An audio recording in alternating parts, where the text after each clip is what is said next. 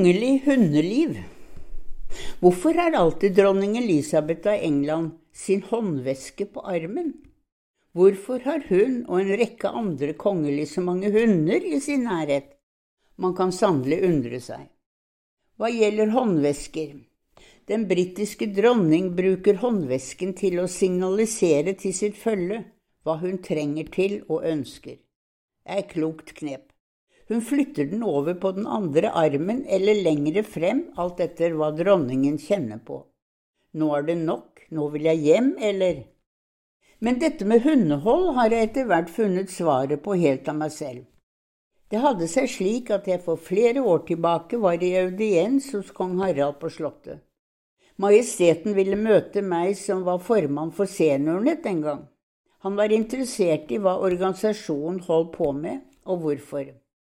Man ankom inn i innkjøpt, dyrt antrekk, gikk opp trappen til høyre, ble møtt av en livrekledd tjener, fikk skrevet sitt navn i protokoll ved et vakkert bord med brennende lys i stake, og deretter geleidet over til neste fløy, opp den vakre trappen, opp til fugleværelset, hvor kongens adjutant konverserte med meg, før på rett tidspunkt så banket på døren og kong Harald ropte mildt innenfra, Kom inn!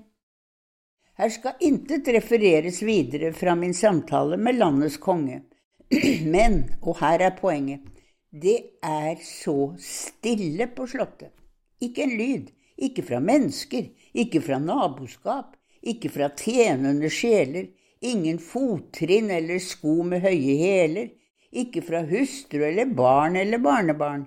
Ingen mobil eller klokkeklang.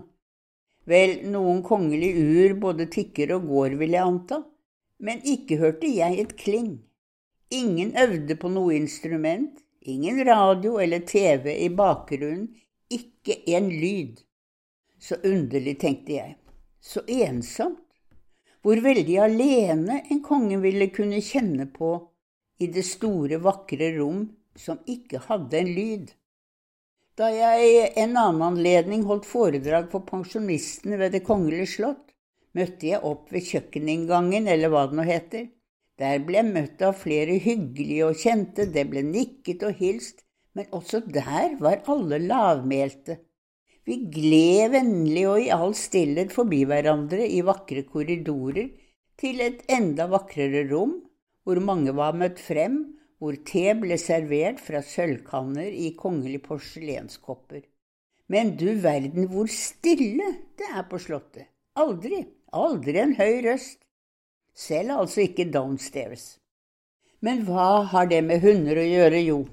Fordi når jeg har fulgt serien The Crown, ser jeg dronning Elisabeth også som privatperson gå rundt i uendelig storslagne gallerier sitte ved små bord i gigantiske saler, ser prins Philip langt der borte i sitt soverom med åpne dører til dronningens gemakk. Buckingham Palace er jo enormt. Og hvor stille det der må være for det enkelte mennesket, selv med veldig blått blod, som for kong Harald på det norske slott i Norge. Det var da det kom til meg Konger og dronninger i all verdens riker og land holder seg med hunder, fordi de velsignede, firbente, trofaste dyr gir lyd. De kommer løpende, de sklir på parketten, de bjeffer og er lekende, livlige vesener. Dronning Elisabeth elsker sine corgis. Hun har opptil flere og sørger dypt når noen av hennes kjære dør. Prins Henrik av Danmark omga seg alltid med flere dagshunder. Det er utallige kongelige hunder gjennom historien. Dronning Maud hadde ni hunder. Kong Olav hadde Skjerm og Tutsi, som nå nok ikke bare ga lyd og liv, men kjær nærhet til enkemannen. Jeg skal ikke granske kongelige sjeler, bevare meg vel. Men konklusjonen på denne fundering omkring kongelig hundehold er altså å bo i gedigne slott, ha sitt hjem i palasser med uendelig takhøyde og uendelige saler og korridorer, det er å bo i absolutt stillhet. Alle snakker med innestemmer, ingen hever en røst. Hunder gir lyd.